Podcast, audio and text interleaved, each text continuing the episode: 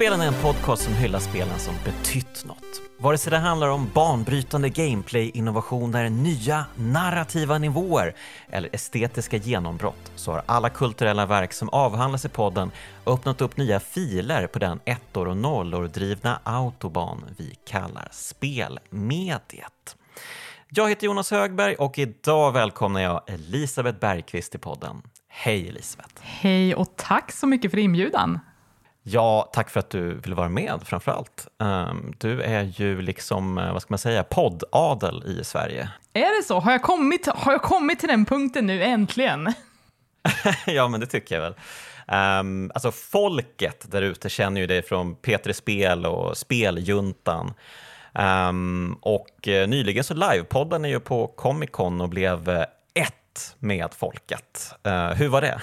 det var ju jättekul. Vi blev ju inte bara ett med folket, för det var ju vår första, vårt första live-framträdande egentligen sen jag började podda med gänget även från PT Speltiden, för när jag jobbade med PT Spel så kom det en pandemi, man träffade inte så mycket folk då och så vidare och så vidare. Så det var jätte, jättekul att få ansikten på lyssnaren för första gången och att bara dra ett skämt och få respons på det tycker jag också är jätteroligt. Eh, så det, det, var, det var jättekul verkligen. Men eh, det ja. var inte bara det att vi blev ett med publiken, vi blev ju också fem. Eh, vi var ju fyra stycken förut, nu har vi fått förstärkning i form av Susanne Möller, så att det har, har varit en liten mm, återgång mm. till en gammal Peter Spel-uppställning som nu börjar sammanstråla igen. Ja, vad härligt. Uh, ja, men alltså, hur kom ni fram till namnet Speljuntan? För det här var jag lite nyfiken på. Uh, känner ni att ni behöver ta till väpnat våld för att torgföra era åsikter, eller vad handlar det om? Ah, eh, bra fråga. Jag tror att vi är lite mer som en syjunta som gillar att spela spel och ha det som en ursäkt för att sitta ner tillsammans och snacka skit. Jag tror att det okay. är nog kanske den främsta associationen som vi gör till, till en junta då, men det är också ja. kul med en militärjunta också för den delen. Mm. Ja, nej men eh, det, det, går ju strålande antar jag. Ehm, det är väl en av Sveriges största spelpoddar, kanske största, vad vet jag. Vi vet ju men... inte, det, så det, det, där med poddsiffror är ju väldigt vanskligt och ett väldigt trubbigt verktyg som kan eh, förvrängas både hit och dit, så att vi vet ju inte säkert, men vi är i alla fall väldigt, väldigt glada för att vi har fått med oss så många lyssnare sedan Peter Speltiden eh, efter mm. att vi eh, bytte poddplattform. Mm. Så det är väldigt kul. Ja, men eh, som du säger, kul att Susanne eh, dyker upp igen. Men eh, du jobbar ju även på ett spelföretag som heter Raw Fury. Vad gör du där? Där jobbar jag tillsammans med min poddkollega Angelica Norgren som producent för två spel just nu. Det ena heter Sable, det andra heter Kingdom och det jag gör är väl egentligen den tråkiga biten. Jag är eh, mamma till projekten, kan vi säga. Eh, jag ser till mm, att folk okay. gör saker och att de görs i tid och att de görs on budget och eh, on quality, så att säga. Eh, men Angelica kanske är desto mer ansvarig för on quality. Eh, och medan jag är med den som jagar och ser till att saker faktiskt blir gjorda. Eh, det är någonting som jag är väldigt bra på och som jag inte insåg kunde appliceras i den här branschen. Eh, men mm. när jag väl kom in i det och ja, eh, såg det behovet och kände att det här passar ju väldigt bra med min personlighet, den, den jag blir i ett arbetssammanhang, så blev det plötsligt väldigt kul och en, en rolig utmaning att lära sig mer om. Mm. Du stå, står du med piska och morot och alternerar mellan dem eller hur gör du för att motivera folk? Ah, det är, eh, jag tror att det är lite olika från team till team vad de gillar och vad de föredrar när man ser att, att de eh, liksom taggar till och, och börjar jobba. Eh, så det, det handlar nog allra mest om att vara lyhörd och försöka förstå vad som funkar bäst för, för respektive team. Mm, Okej. Okay. Um, ehm, men för att styra in det här samtalet på någonting helt annat. Uh, vad gjorde du år 1998? Jag var sju år gammal, va? jag kan inte ha gjort någonting vettigt. Jag satt, förmodligen så satt jag ofta på eh, terrasstaket utanför mitt sovrumsfönster i sommarsolen mm. och spelade Pokémon på mitt Gameboy. Eh, mm. Men ibland så drogs jag iväg av mina föräldrar till, till min pappas kusin. Det var ofta middagar där. Eh, man som barn fick liksom pliktskyldigt följa med. Och min pappas kusin hade en son eh, som var ganska mycket äldre än mig. Det var liksom de coola grabbarna. Och de satt ofta uppe på övervåningen medan den här vuxenmiddagen pågick ned, eh, på nedervåningen och mm. spelade ett spel som hette Starcraft. Mhm. Och jag var ju då en liten skitunge som gick upp dit, hängde över axeln på de coola grabbarna och frågade vad är det där? Får jag prova? Och de sa såklart nej, det får du inte, jävla tönt, gå härifrån, typ. Eh, men sen kom det sig Okej. att, att min, eh, den här kusin, pappas kusin då, eh, flyttade utomlands. Eh, De skulle göra ett eh, ja, arbetsår utomlands i Afrika och eh, då när hela den familjen skulle åka så frågade jag sonen om jag kunde få låna Starcraft medan han var borta. Och det fick jag. Mm. Mm. Så det... Och då, där föddes en kärlekshistoria som eh, har eh, förblivit en kärlekshistoria fram till idag. Verkligen. Ja, vi ska ju prata om Starcraft idag ehm, och eh, du, eh, du alluderade re- redan till det, men varför vill du så gärna prata om Starcraft i kraftspel?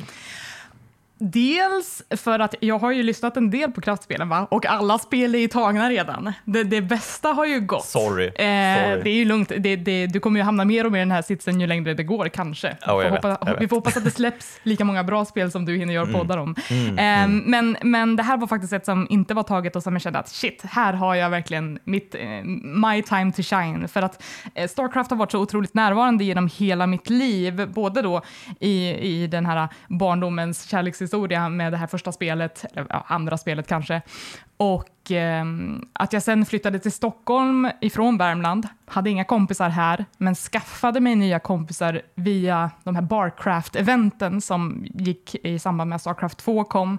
Hittade massor av likasinnade, började jobba med e-sport själv, träffade min kille.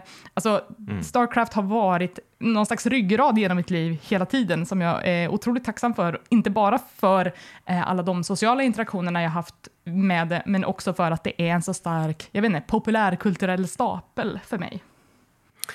Ja, och det är det väl för de flesta skulle jag säga. Um, alltså alla känner väl till Starcraft, men om man bara lite snabbt ska um, försöka reda ut det här så är det ju ett strategispel från Blizzard som um, var liksom en vidareutveckling från den här realtidsstrategiformen de hade liksom um, skapat med eh, Warcraft-spelen och eh, de förlade den till rymden.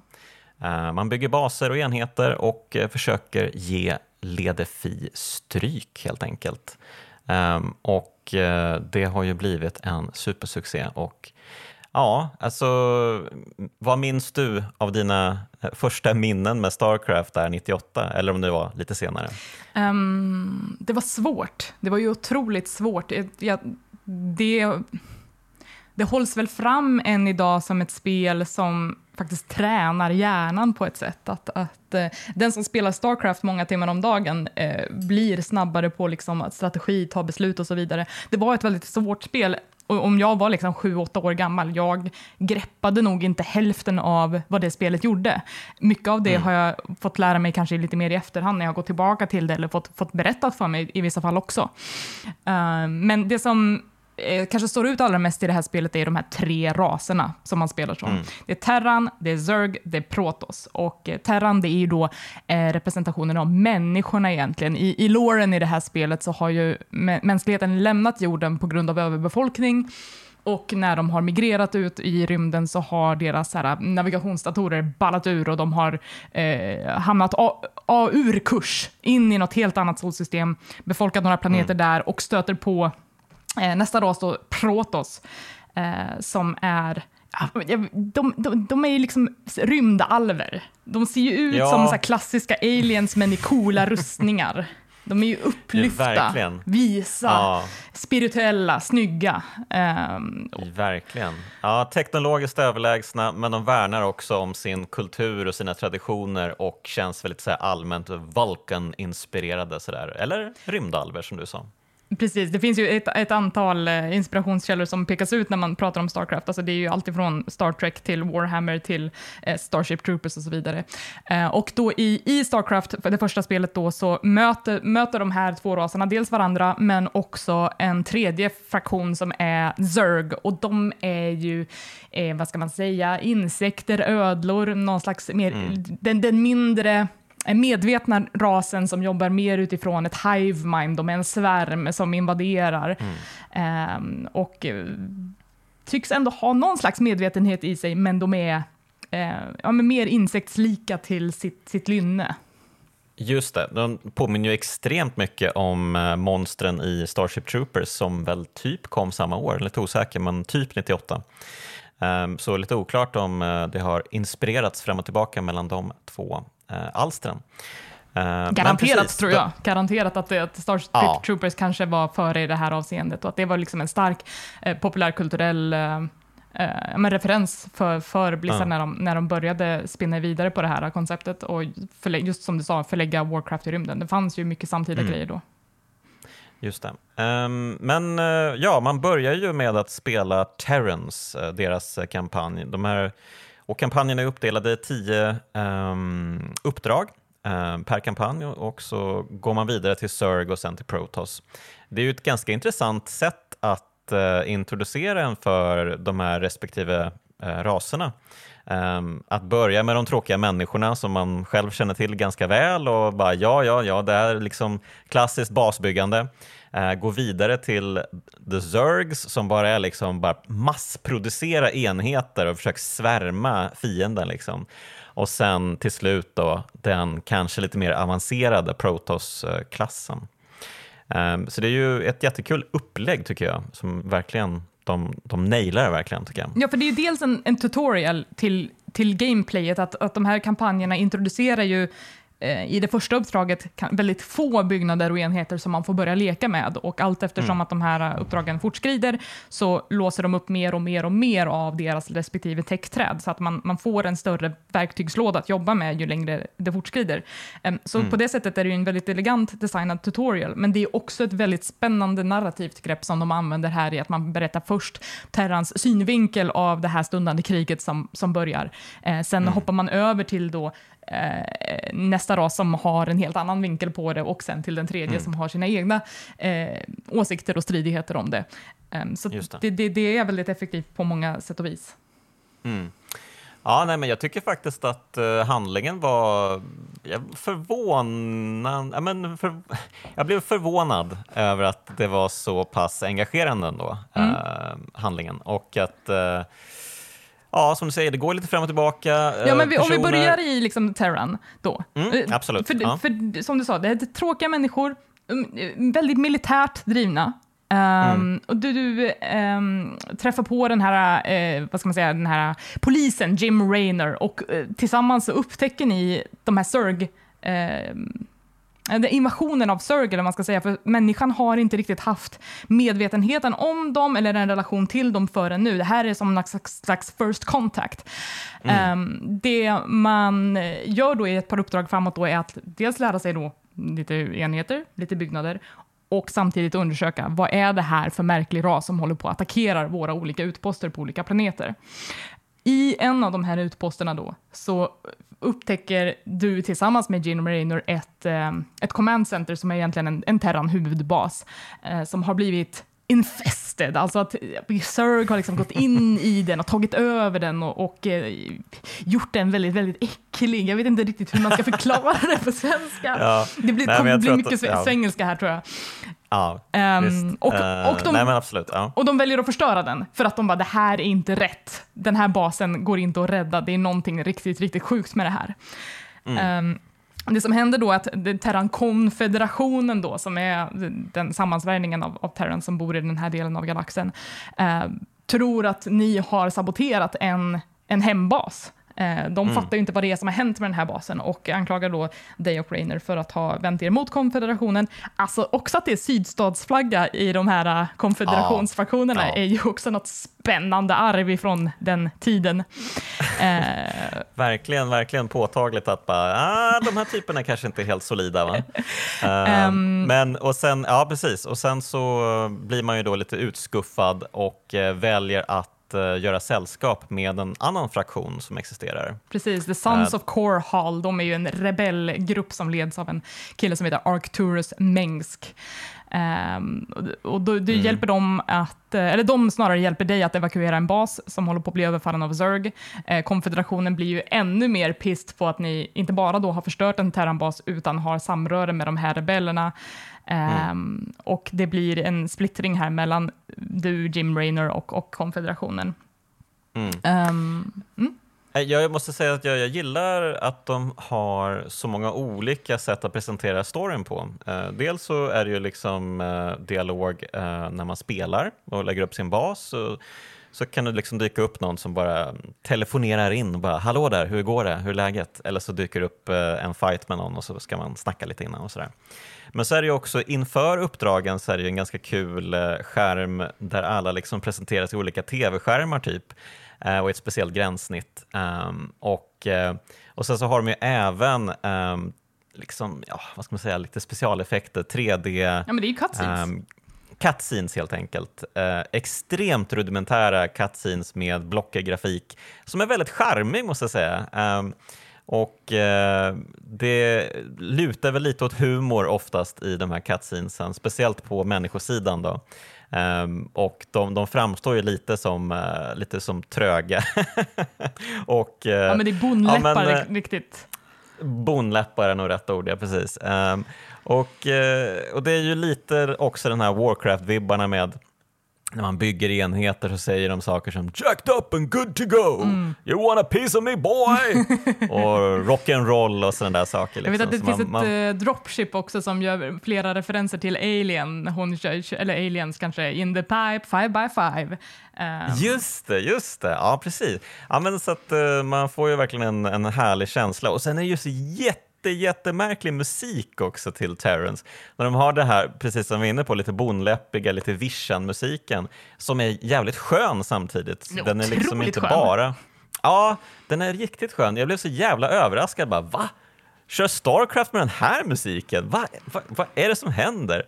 Eh, så att eh, mycket, mycket saker som jag blev överraskad på ett väldigt positivt sätt med det här spelet. Mm, det har ju, en, Ehm. det har ju liksom en, dels estetik, alltså det har ju verkligen en identitet, en känsla, en estetik. Men det du berättar också om, om just det här att, att det är sånt, eh, så många olika sätt som du berättar narrativet på, det var ju mycket av det som var nytt. Visst, Blizzard hade gjort Warcraft 1 och 2, men de hade aldrig förmedlat narrativ på det här sättet som de gjorde i Starcraft. Och läste jag mig till att det här var ju där Blizzards filmteam föddes. De hade ju inte haft ett cutscene-team förut, utan det här var start, eh, startskottet för den divisionen. Och om att vi tittar på vad Blizzard är idag och vad de gör för slags cinematics nu för tiden, så inser man ju också att det var i början på något riktigt, riktigt fett. Mm. Ja men verkligen. Det, jag, har ju, jag kikade ju på en hel del eh, trailers för Starcraft 2 sen eh, efter att ha spelat det här spelet. Ehm, och eh, det var ju verkligen så här, holy shit vad de har, eh, vilka, ja, vilka steg de har tagit sen eh, Starcraft 1. Otroligt. Ehm, Ja, men eh, precis. Och, och storyn fortsätter. Man, man träffar på en eh, speciell enhet som heter Kerrigan. Sarah Kerrigan, hon är ju en ikon ändå, det får man lov att säga.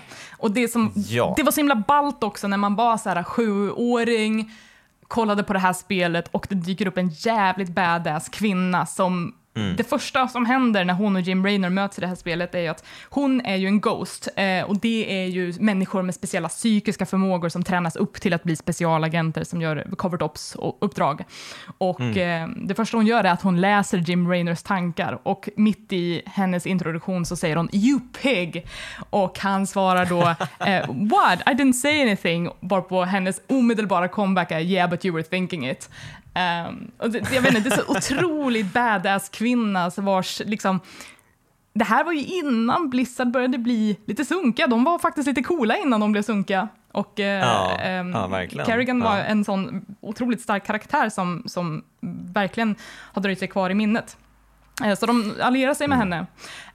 Eh, Och eh, tillsammans med den här rebellfraktionen då så börjar man att söndra konfeder- konfederationen och så småningom in- infiltrera dem eh, och använda deras egna vapen mot dem. De hittar någon speciell psi-emitter som gör att Zerg lockar, lockas till eh, platsen. Så de placerar den på konfederationens eh, hemplanet och eh, den förstörs helt och hållet. Men det. det som händer då är ju dels att eh, Kerrigan blir bortrövad av Zerg i slutet av ett av de uppdra- uppdragen och Jim Raynor inser också att han kanske har allierat sig med fel person just för att den här rebellfraktionen då är villig att offra så många människoliv för att eh, egentligen bara ta konfederationens plats och göra samma sak.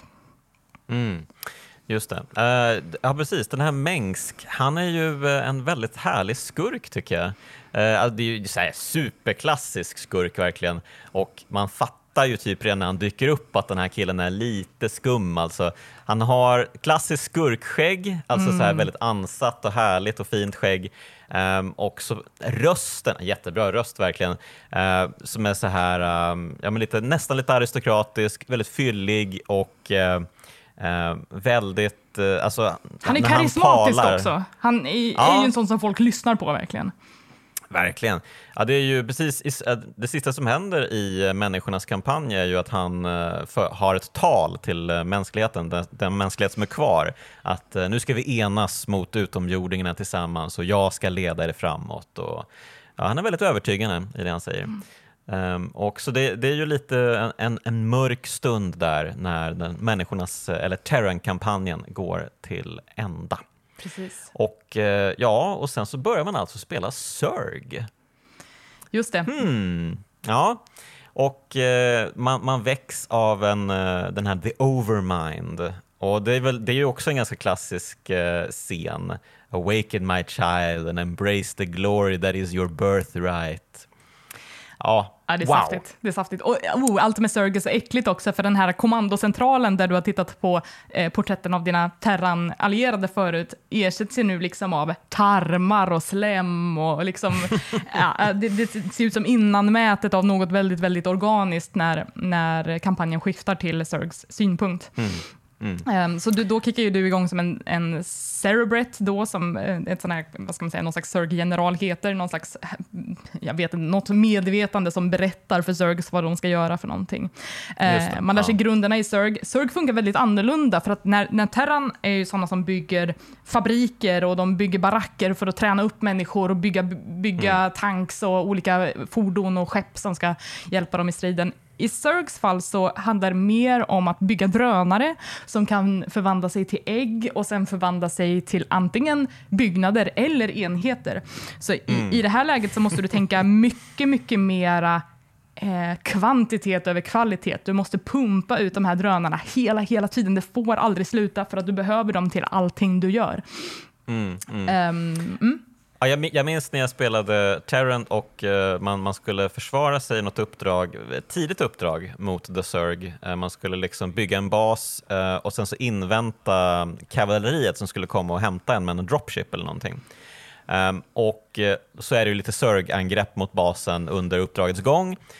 Men så precis då när dropshipet är på väg att komma, det är typ någon minut kvar, då kommer det stora anfallet och då inser man ju jävlar alltså. Zerg är någonting helt annat. De bara svärmar ju över ens bas och det är ju sådana otroliga mängder krigare. Mm. Um, som är, alltså de, en är ju piece of cake för vem som helst, men de är ju liksom 100-200 som anfaller. Precis. Så att uh, verkligen, en, det är också en riktig så här wow-känsla när man upptäcker att jag kommer få spela det här sen, den Precis. här sidan. Liksom. Ah, gud, ja. och, och jag tänker att Surgling Rush, och Surgling är ju deras minsta enheter, de är billiga, det blir två stycken om man gör en av dem och så vidare. Eh, så du kan verkligen massproducera dem eh, och, och, om du inte har ett bra försvar mot dem så kommer de ganska snabbt överrumpla vem som helst. Och mm.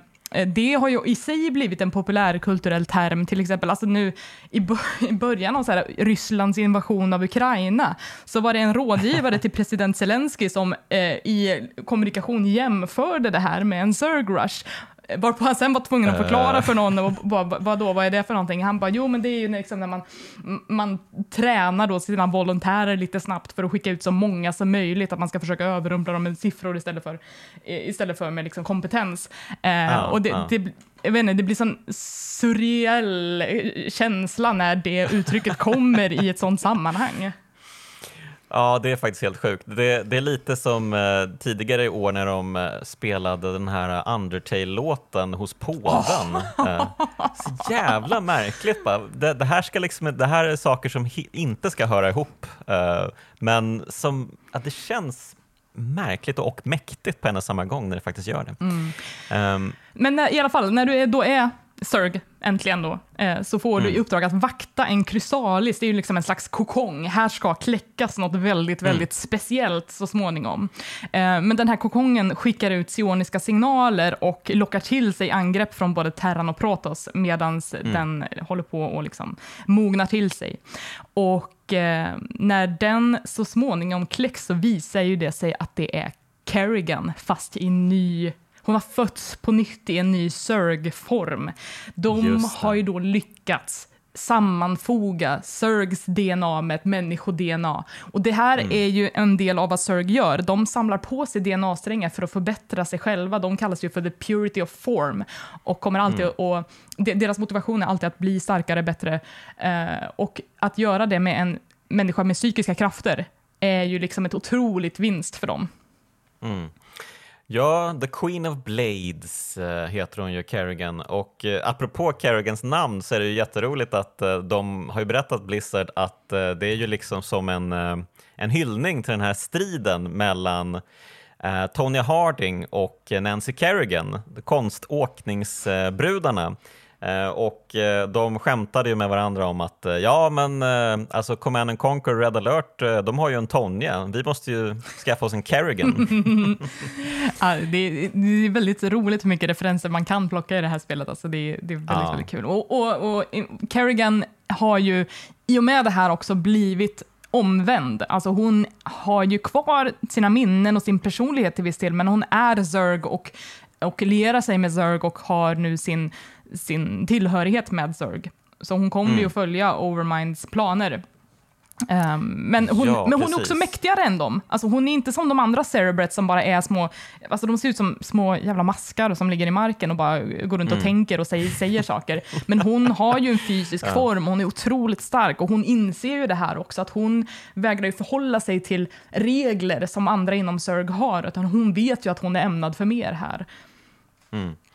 Ja, precis. Ehm, så att man, man, eh, man har väl någon um, envig med Protoss dyker väl upp här Precis. Ehm, och dödar en av de här maskarna då, befälhavarna. Ehm, men därigenom så får ju Overmind också nys om var Protoss hemvärld finns någonstans. Och det har de ju letat efter eh, länge och väl. Eh, Så det här är ju jackpot för Zerg. De eh, beger sig till eh, Ayur, tror jag den heter, deras hemvärld Protoss. Och ja, det blir ett, ett stor belägring, en stor fight på Ayur. Mm, där de förstör en av protosarnas viktigaste helgedomar och skapar en fysisk manifestation av Overmind ovanpå dess ruiner. Mm, mm. Ja, slutar också lite mörkt, ehm, den här kampanjen. Ehm, det verkar ju onekligen som att Zerg nu är på väg att ta hem kampen här i eh, universums utkanter. Men då har vi då en tredje kampanj att ta oss igenom, Protos-kampanjen. Och eh, här är ju en av mina favoriter, Tassadar. Han är ju en cool kille alltså. Mm, han är en cool Ehm. kille. Man har sett eh, lite grann av honom tidigare under spelets gång. Han har omnämnts. ehm, det verkar som att han har gått efter Zerg ehm, under deras framfart i galaxen och eldat upp alla planeter som de har um, lagat beslag på. Mm. Eh, Men nu så har ju han eh, tillsammans eh, med en annan eh, protoshjälte vid namn Seratul hittat då ett sätt att, att ha ihjäl de här Cerebretsen som, som vi pratade om. Eh, Protoss är ju uppdelade i två olika fraktioner internt också. Du har dels Templars och dels Dark Templars. Templars är de renläriga, de som ehm, är i majoritet. De följer eh, läran till punkt och pricka. Ehm, Dark Templars har hittat ett annat sätt att utvi- utvinna makt på via The Void. Och det finns ju otrolig lore att gräva i här. Vi behöver inte gå in på några detaljer, men det, som, det man behöver veta om dem är egentligen att Templars eh, uppskattar inte sättet som Dark Templars eh, har förskansat sig makt på och de har splittrat. Dark Templars har eh, hittat en egen planet att befolka, Protoss har sina planeter. Aldrig skall de två mötas. Förrän nu då. För Tassadar har ju då Precis. tillsammans med en Dark Templar som heter Seratul hittat ett sätt att ha ihjäl Zerg Cerebrets på, på riktigt. Eh, Mm. Och de håller nu på att ehm, försöka hitta en väg framåt tillsammans med Jim Raynor. De har faktiskt plockat upp Ja. honom på vägen, så att de har en liten kul allians där alla tre. Ja, så det finns lite mänsklig fägring faktiskt ehm, för eh, oss alla. Exakt. Eh, att fästa oss vid. Men eh, precis, de eh, blir ju lockade. Jag, jag tycker ju att de här, jag minns inte vad han heter, den här Templar-typen man pratar med jämt. Ehm, som är ens heter- urs, ursprungliga befälhavare. Aldaris Ehm, heter han. Ja, alltså vilken tråkmåns. Ja. Eh, otroligt, men han- alltså, fantastisk också på sitt sätt. Men eh, verkligen, de har lyckats... ehm, eh, det är ju stereotyper de jobbar med Han är en otrolig eh, byråkrat liksom. Ja, verkligen. Men de gör det så jävla bra också. De hittar exakt rätt sk- röstskådespelare också. Eh, och eh, ja, men fan, man blir verkligen engagerad i storyn ändå. Eh, trots att ja, det, det är ju ganska basic på många sätt, men ja, det, det är nice ändå. Alltså. Han, Ehm. eh, han är ju inte ett fan av att Tassadar och Seratul har slagit ihop sig och han försöker typ skicka ut lite poliser för att arrestera Tassadar hela tiden.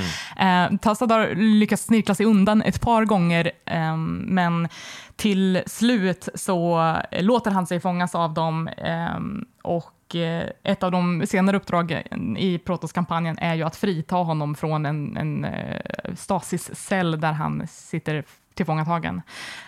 Um, det här är ju ett av de svåraste uppdragen tycker jag, men det, det visar väldigt mycket kul som man kan göra med Protoss. Protoss är ju en, eh, en annan de, de har en liten annan approach än Terran och Zerg. De är framförallt mycket dyrare. Man måste ha så otroligt stark ekonomi när man spelar som Protoss, för allting är pissedyrt att bygga. Mm, mm. Ehm, Och tar väl ganska lång tid också. Ja, precis.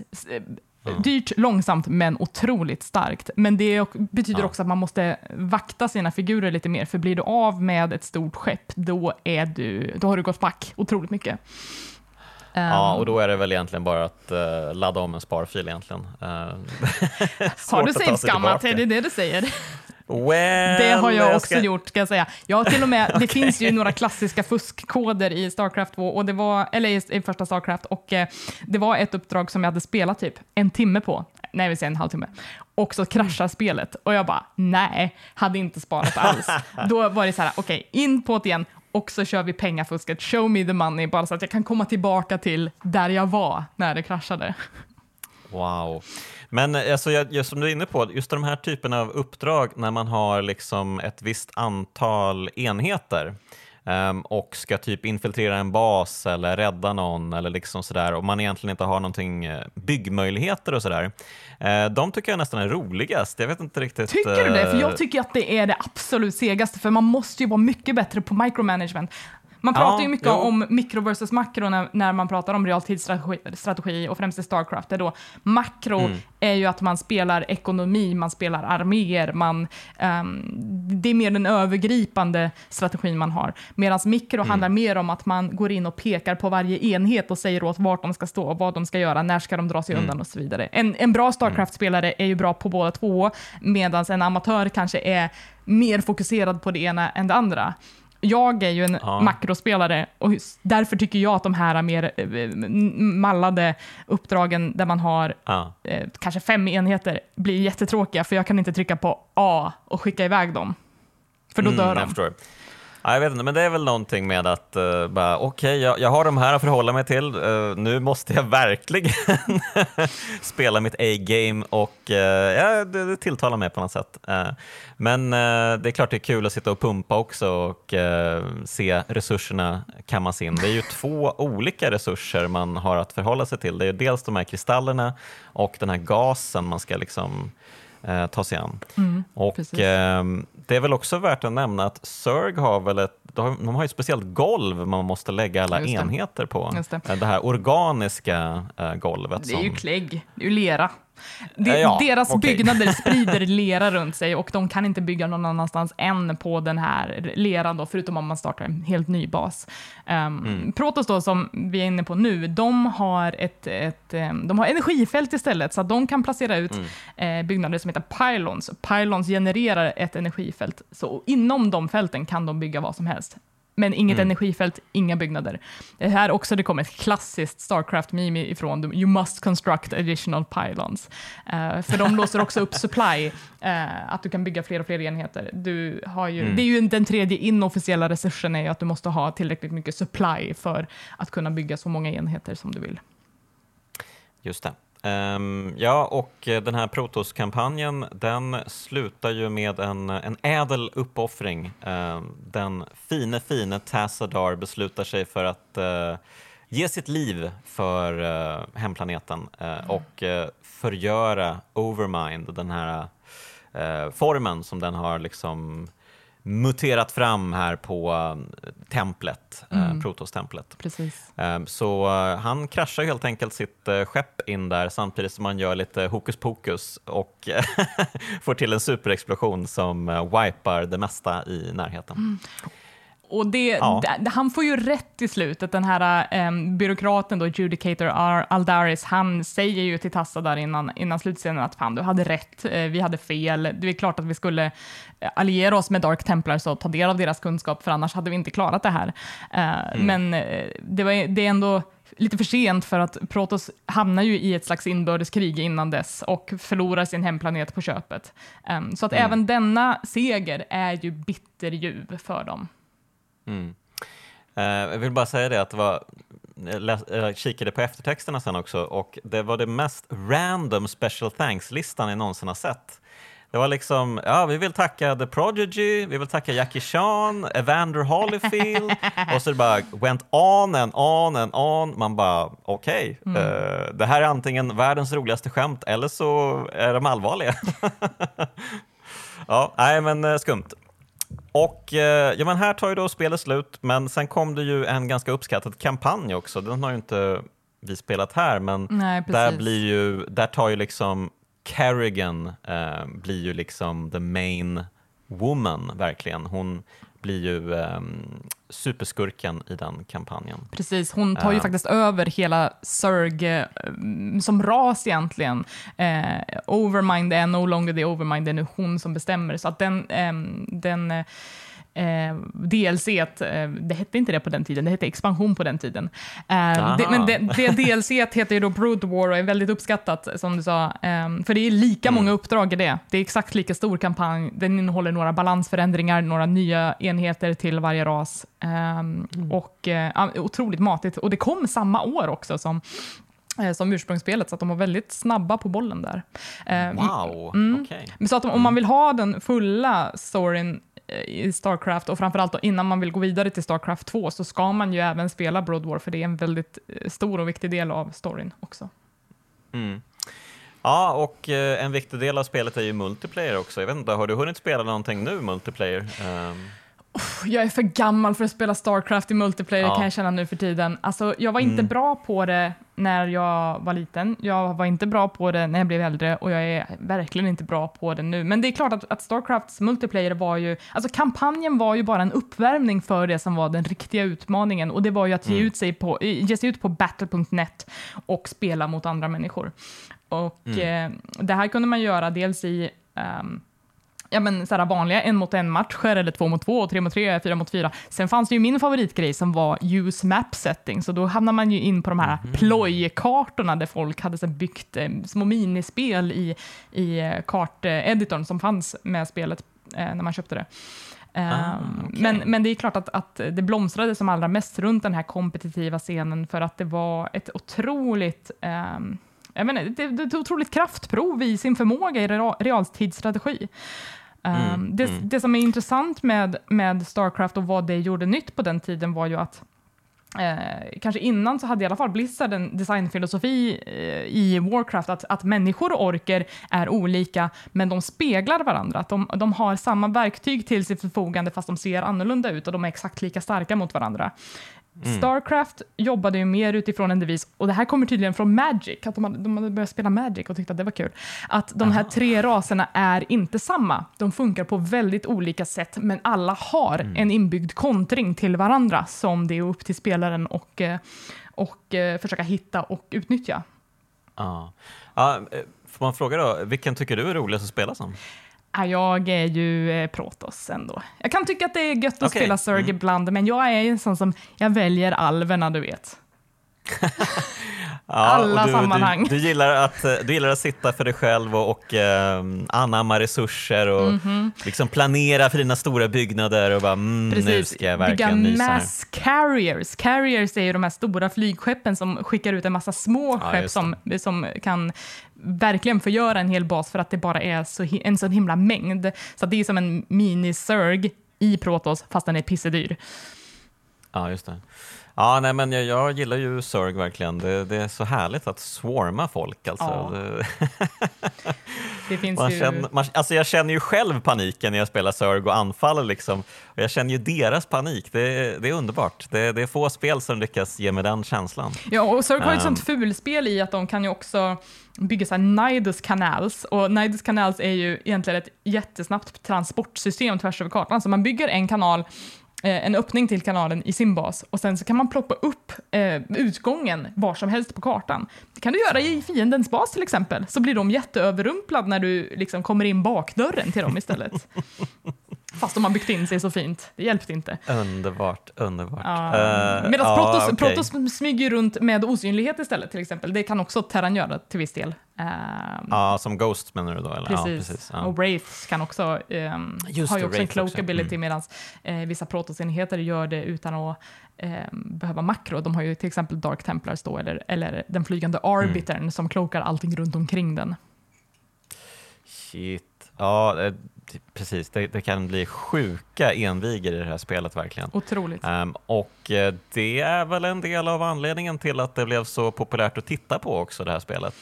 Ja, Det var väl liksom det här spelet som verkligen gav e-sporten dess slutgiltiga push in i the public mind som gjorde e-sport en grej verkligen. ja alltså det, det var väl, alltså jag skulle vilja eh, credda två spel för det egentligen. Det är ju, är ju Counter-Strike, eller ja, Quake också. Fan, vi har haft flera spel, men, men just Starcraft var ju speciellt därför att det hade ett sånt otroligt genomslag i Korea, Sydkorea.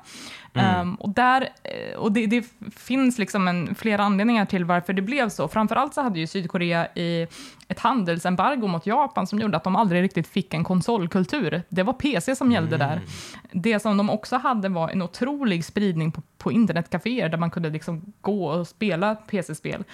Och Ja. att det fanns ett lokalt företag som bestämde sig för att köpa in Starcraft och tillhandahålla det gratis i alla sina internetcaféer. Eh, Så att du har liksom en okej. hel generation av ungdomar som går till internetcaféer för att spela Starcraft för att det är kul och det är gratis. Och du kan liksom, eh, jag menar, alla dina skolgårdsfighter, det kan du säga, ah, vi, vi tar det i Starcraft så ska vi se vem som är bäst liksom. Ehm, och eh, det, och det, var, det var egentligen där den kompetitiva scenen föddes på riktigt. Alltså det, det Ja. är ju det kallas ju för Sydkoreas nationalsport idag. idag. Eh, det liksom finns någon anekdot om att om Sydkoreas fotbollslag skulle vara med i något VM eller vad fan det var. Eh, Och var lite nedslagna. De behövde en, en, eh, lite hjälp på traven. Och om man i Sverige kanske skulle kalla in Zlatan till omklädningsrummet för att liksom peppa upp handbollslaget och bara nu kör vi grabbar. Eh, så var det då i Sydkoreas fotbollslags fall så tog man in liksom Boxer som var en av de bästa Starcraft-spelarna så att han kunde peppa upp fotbollslaget. Alltså den maktdynamiken är helt skiftad i Sydkorea. Ja, det är underbart. Och så hade de ju en egen, eh, egen tv-kanal, va? var det inte det? Egen Starcraft-kanal och eh, en, en, såklart en liga då. Och det har Som, de eh, fortfarande, ska sägas. Jag vet inte om de kör Broad War längre, men Starcraft 2 och GSL kör de ju absolut fortfarande. Eh, Så det, det är en kultur som har levt ända sedan 00-talet och eh, fortsätter att leva än idag. Jag tror att Starcraft är alldeles för starkt i det landet för att bara dö ut som en fluga. Vi, liksom vi i väst kan ju se att RTS-genren kanske har haft sin storhetstid och den har kommit och gått, men där består den ju. Eh, Men i och med då att Korea hade den här starka Starcraft-scenen eh, och eh, i och med att man annonsade Starcraft 2 på en av deras scener Um, ett spel som då i väst bara var efterlängtad för att Starcraft 1 var ett väldigt, väldigt bra spel och som i Korea innebar liksom en fortsättning på deras liksom, ja, men typ nationalsport så blev det ju något som följer allas blickfång och Blizzard var väldigt duktiga på att, att tidigt anamma det här e-sportselementet för att, att göra reklam för tvåan egentligen. Ja, precis. Ja, exakt. Ja, tvåan blev ju, där var det ju verkligen, eh, de utvecklade verkligen spelet för, med e-sport i åtanke verkligen. Um, Mm. Så ja, jag, minns, eh, jag minns själv, eh, jag täckte ju en del Starcraft-event för Aftonbladet eh, fan, när det begav kul. sig. Eh, mellan ja, 2012 till 2014 och sånt där, när de verkligen satsade på det. Och vi hade ju ett Eh, svenskt liksom, Starcraft under då. Vi hade så många bra svenska Mm. spelare som var otroligt bra på det här spelet. Vi hade ju Thor, Seino Naniba och Madelisk och, liksom, och hela gänget. Ja, visst. Ja, visst. Nej, men det var ju sjukt stort och speciellt de här stora eventen i Globen. Det var ju helt sinnessjukt alltså vilken grej eh, det var. Ehm, Men det, men, det var ändå, på- men det var ju ja. tvåan ändå. Och liksom, Ja. Det är klart att tvåan gjorde väldigt mycket som var bra för Starcraft och det tänker jag att någon annan kanske får komma och prata om det i kraftspelen eh, om de vill prata om Starcraft 2. För Ja. jag vill inte lyfta Starcraft 2 i det här sammanhanget därför jag tycker att det Nej. sjabblade bort så himla många andra grejer, speciellt när det kommer till narrativet. Um, Mm. och jag ska inte liksom hacka på det helt och hållet, men, men jag tyckte att de Hollywoodifierade historien i Starcraft 2 på ett sätt som jag inte uppskattade för att det var inte det jag associerade det första spelet med. Jag tyckte väldigt mycket om hur avskalat berättandet var eh, och att de lyckades berätta så komplexa historier om om liksom politik och om rasism och om liksom makt och, och klass på så väldigt, väldigt liten yta. Men de, tack vare att de hade de här starka arketyperna och de här duktiga skådespelarna så fattade man allting mellan raderna och det tyckte jag att, Ja. att alltså det, det är så otroligt snyggt. Ja, ja, jag kan inte annat än hålla med och eh, jag tycker ju, alltså de här mellansekvenserna, jag tänker på dem igen, de är ju eh, förvånansvärt eh, snygga och coola. Det fanns en som var lite så här, jag förstod inte riktigt vad den, vad den ville säga egentligen. Det var ett gäng soldater som infiltrerade någon bas eh, i, eh, i rymden. Ehm, och så når de fram till en kista, typ öppnar den, ser att det ligger liksom en bomb där och sen ett gäng öl un, under bomben. Bara, Jaha, De ska, ju, okej. de ska väl plantera den där bomben, den är ju planterad för att de ska sätta av den. Men så Ja, är det ju liksom Jag- lite öl där hänger- till dem också. Jag hängde inte med i svängarna, men hur som helst, en soldat plockar upp en öl och bara ja, nu ska vi, härligt, trevligt, och så börjar han dricka och sen så bara exploderar han i blod och slem och går. Och det är en sån fantastisk jävla scen eh, som, alltså det, det är ju verkligen en, en hommage till de här klassiska skräckfilmerna Alien och dylikt liksom. Eh, och sen så dyker ju hela sörgrasen upp där också bara, och så blir det värsta aliens fighten mellan dem som slutar med att de spränger sig själva.